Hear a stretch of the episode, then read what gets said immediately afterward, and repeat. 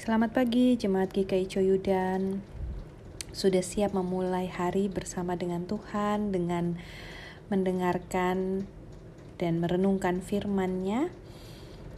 Mari kita mengawalinya dengan berdoa Meminta pertolongan roh kudus untuk menolong kita Memahami apa yang Tuhan sampaikan melalui firman-Nya Ya Allah yang telah menjadi manusia, kami bersyukur karena kami punya Allah yang sangat dekat dengan kami dan sungguh-sungguh boleh kami rasakan kehadirannya. Pagi ini kami mau memulai hari kami bersama dengan Engkau, oleh karena itu kami mau mendengarkan suaramu, sapaanmu, penguatan darimu, penuntun yang akan membuat kami meyakini bahwa kami terus berjalan bersama dengan Engkau. Tolonglah kami agar sungguh apa yang akan kami baca, kami dengar, kami renungkan menjadi sesuatu yang berarti dan menyentuh setiap kami. Demi Kristus Yesus, Sang Firman yang hidup, kami berdoa. Amin. Bapak Ibu, saudara-saudari yang terkasih, kita akan membaca bagian firman Tuhan dari Amsal pasalnya ke-9 ayat 1 sampai ayatnya yang ke-6.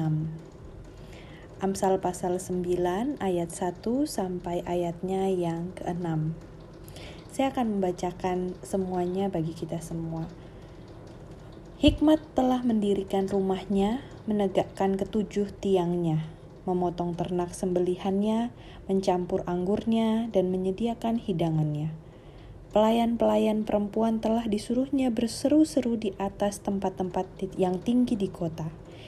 Siapa yang tak berpengalaman, singgahlah kemari.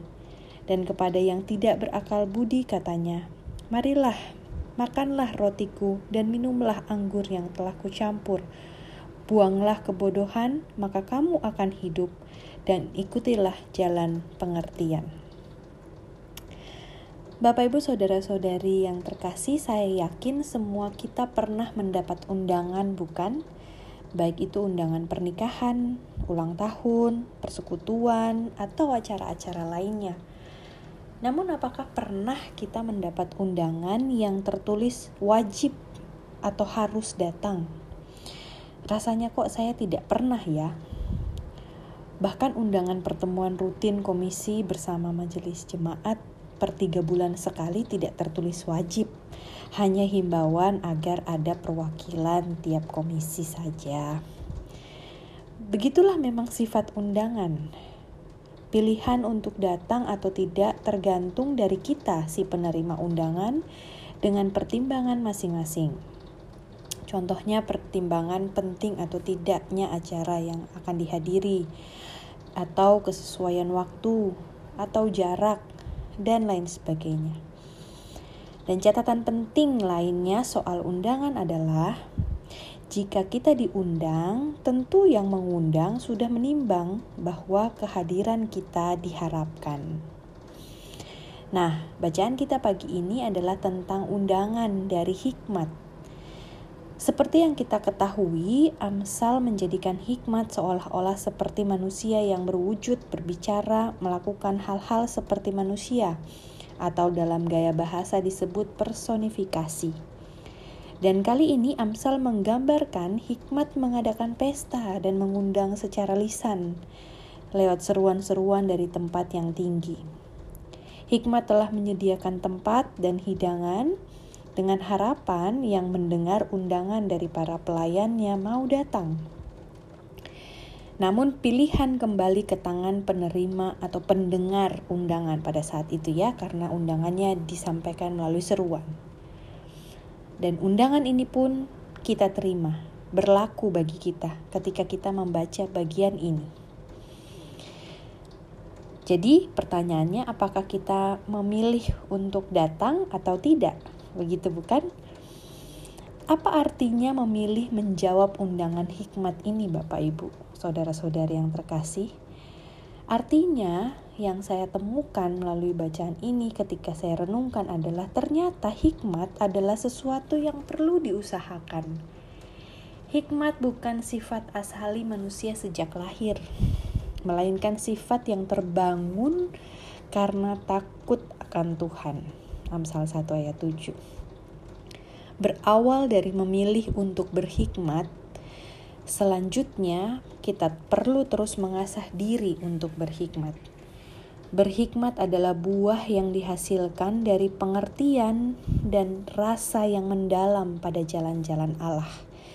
Dan yang terpenting adalah berhikmat membawa kita masuk lebih dalam pada karya dan jalan Allah. Mungkin kata yang tepat adalah memaknai apa yang telah sedang, dan akan Allah kerjakan bagi kita dan melalui kita. Itulah tujuan kita memilih berhikmat. Karena hikmat bukan sekedar memahami dengan logika, tetapi menelisik, mencari, menggali, berusaha menemukan apa yang menjadi isi hati Tuhan. Walau dengan segala keterbatasan, namun kita memilih untuk berhikmat. Jadi, apa jawaban Bapak Ibu atas undangan dari hikmat ini? Silahkan menjawab dalam hati masing-masing melalui doa kita.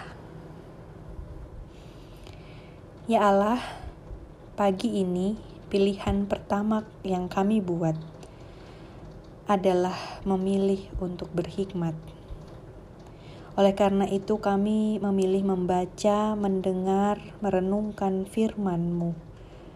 Tolonglah kami untuk terus mampu mengasah hikmat, sehingga pilihan-pilihan hidup kami selalu sesuai dengan isi hatimu.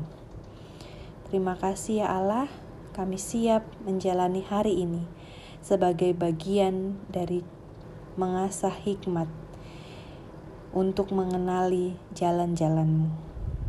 Demi Kristus Tuhan, Sang Sumber Hikmat, kami berdoa. Amin. Selamat pagi, selamat menjalani hari dengan penuh hikmat. Tuhan Yesus memberkati.